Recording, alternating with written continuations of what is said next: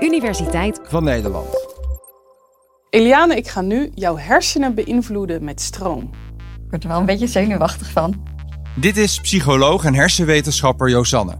Normaal onderzoekt ze het brein van misdadigers. Maar nu onderzoekt ze onze lieve redacteur Eliane. Zet ik hem nu even aan?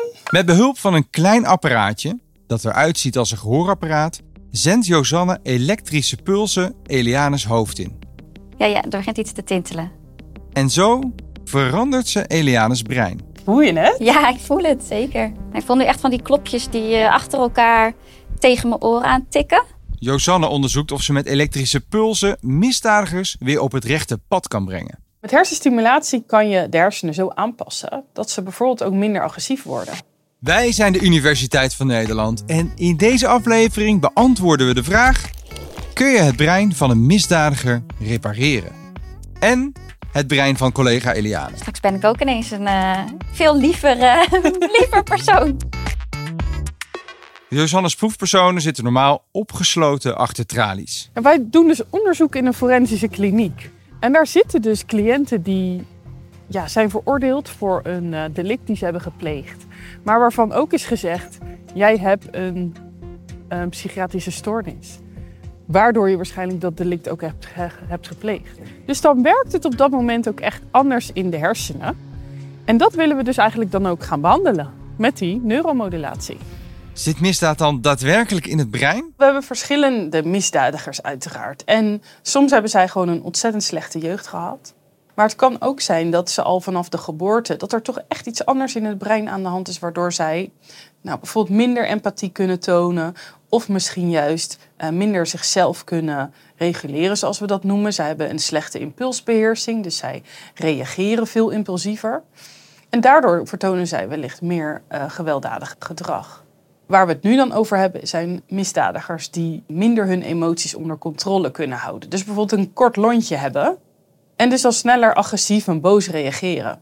Dat korte lontje komt omdat hun hersenen op bepaalde vlakken net iets anders werken. Stel je gaat kijken in het brein van misdadigers. Je zou ze bijvoorbeeld onder een scan leggen. Dan zou je bijvoorbeeld zien dat in de prefrontale cortex dat daar minder activiteit plaatsvindt. De prefrontale cortex zit hier voor in je hoofd.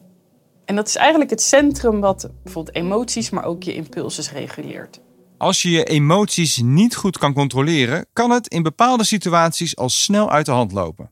Ja, je kan je bijvoorbeeld een setting voorstellen in een kroeg. Waarbij een man staat te wachten en ineens komt er een andere gozer aan. En die, ja, per ongeluk stoot hij met zijn schouder tegen de schouder van de ander. Waardoor het biertje over zijn uh, overhemd wordt gegooid.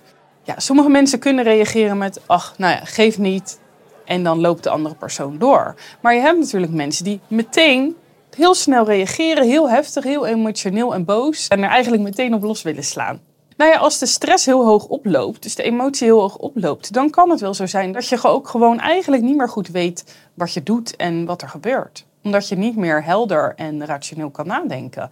Je wordt eigenlijk overmand door je emoties. Dat wil dus zeggen dat die prefrontale cortex, voor in je brein, op dat moment niet goed werkt. Nu krijgen deze misdadigers hier vaak al behandelingen voor, die zich richten op het leren omgaan met emoties. door middel van praatsessies, therapie en soms ook medicatie. Maar Josanne denkt dat hier nog veel winst te behalen is. Wat ik vaak zeg is dat de therapie die we nu aanbieden niet goed aansluit bij hoe het brein van een misdadiger werkt. Waardoor er dus minder effectiviteit plaatsvindt van die therapie. Dus bijvoorbeeld met dat gehoorapparaatje kunnen wij de werking van de hersenen aanpassen, waardoor er dus betere effectiviteit van therapie uh, zal plaatsvinden. We zijn weer terug bij het gehoorapparaatje van Josanne, met die elektrische pulsen.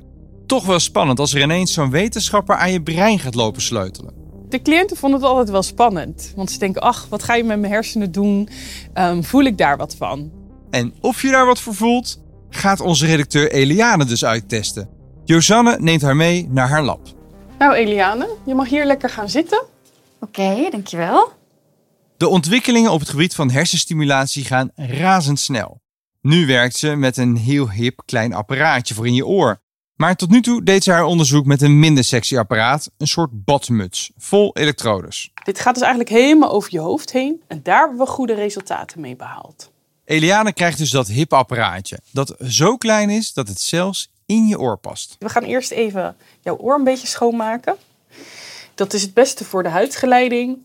Dus dat we echt het, de kleine elektrische pulsjes uh, kunnen geleiden. En uh, het is wel helemaal uh, veilig? Zeker, zeker. Ja, eigenlijk zijn er praktisch geen um, bijeffecten van deze soort stimulatie. Maar wat je eigenlijk het ja, meest zal voelen strakjes zijn kleine pulsjes. Misschien dat het een beetje gaat tintelen. Oké, nou ik ben benieuwd. Als het oor goed schoon is, kunnen we beginnen. Ja, want je stopt nu eigenlijk een elektrode in mijn oor. Ja. Eigenlijk zijn dat twee kleine elektrodetjes. Zet ik hem nu even aan. Met een afstandsbediening in haar hand kan Josanne nu de stroom in Eliane's hoofd opvoeren. Nu druk ik op het plusje. Ja. ja. Elke keer wordt de stroom een beetje opgevoerd. En na een tiental drukken op de knop... Er begint de tinteling. Ja, ja, er begint iets te tintelen. Josanne voert de stroom nog een klein beetje meer op. Voel je het? Ja, ik voel het, zeker. Ik voel nu echt van die klopjes die uh, achter elkaar tegen mijn oren aan tikken. Mm Vervolgens moet Eliane dit apparaatje 20 minuten ophouden. En wat gebeurt er dan precies in die 20 minuten in haar hoofd? Bij dat gehoorapparaatje stimuleren we eigenlijk de nervus vagus. En dat is een heel erg belangrijke zenuw die helemaal vanaf de darmen eigenlijk tot in het hoofd, tot bij de hersenen uh, loopt. En we stimuleren dat eigenlijk bij een vertakking in het oor. Je stimuleert dus niet direct de hersenen, maar een zenuw vlak voordat hij de hersenen ingaat. Dan komt dat als eerste in de hersenstam terecht. En vanuit de hersenstam ook naar de rest van de hersenen, bijvoorbeeld de prefrontale cortex. De prefrontale cortex, ja, dat is waar we moeten zijn. Maar er gebeurt nog iets met die elektrische pulsjes. Via je hersenen gaat er ook een seintje naar je hart. Ons hart heeft een belangrijke rol. En uh, dat is voornamelijk ook zo om dus ons weer tot rust te brengen. Een hart van iemand die goed om kan gaan met heftige emoties klopt anders dan het hart van iemand die daar niet zo goed mee om kan gaan. Een hart dat jou helpt bij die emoties klopt namelijk wat onregelmatig. Het gaat om millisecondes, je voelt het niet. Een hart dat jou niet helpt klopt juist heel regelmatig.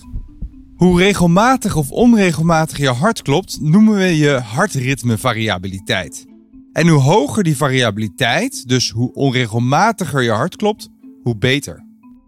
Als je een lage hartritmevariabiliteit hebt en je wordt boos, dan blijf je eigenlijk boos.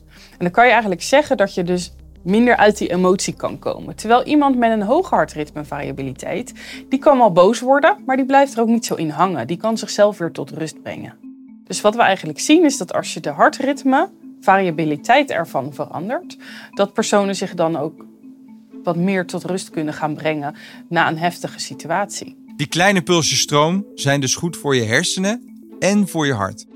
Beide dragen bij aan een betere emotiecontrole en dus minder agressie. Josanne laat ons zien hoe ze dat meet. Eliane, wat we eigenlijk dan altijd doen, is een taakje uitvoeren. Want de bedoeling is natuurlijk dat met het apparaatje, met die stimulatie, dat je dan eigenlijk minder emotioneel gaat reageren. Dus een betere emotieregulatie hebt. En eigenlijk dus ook minder agressief. Je kan je voorstellen dat het heel erg lastig is om in real life, dus in het echte leven, agressie te gaan meten. Dus we hebben er eigenlijk altijd experimentele taken voor. Eliana krijgt een spelletje voorgeschoteld waarin ze speelt tegen een tegenstander. Ze kan punten verdienen of ze kan punten wegkapen bij de tegenstander. Ja, het is wel echt een heel saai taakje. Je moet ongeveer 100 keer achter elkaar op knopje 1 drukken en dan verdien je een punt. Dan moet je blijven drukken. Oh. Maar je merkt al dat het een hele vervelende taak ja. is. Een beetje vermoeiend. Ja.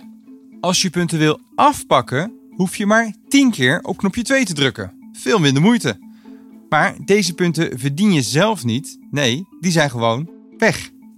Maar ja, het zou natuurlijk ook zo kunnen zijn dat de tegenstander van jouw punten afpakt. En dat vinden de misdadigers in Josannes onderzoek niet leuk.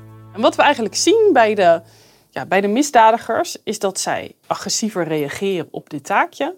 Maar dat als wij de hersenen stimuleren, dan zien we in het experimentje dat ze minder geneigd zijn punten van de ander af te pakken. En ook minder geneigd zijn als punten bij hen wordt afgepakt om dan ja, terug te pakken, zeg maar. Oké, en uh, betekent dit dan ook dat als een misdadiger een goede reactie heeft op die hersenstimulatie, die dan eerder op vrije voeten komt?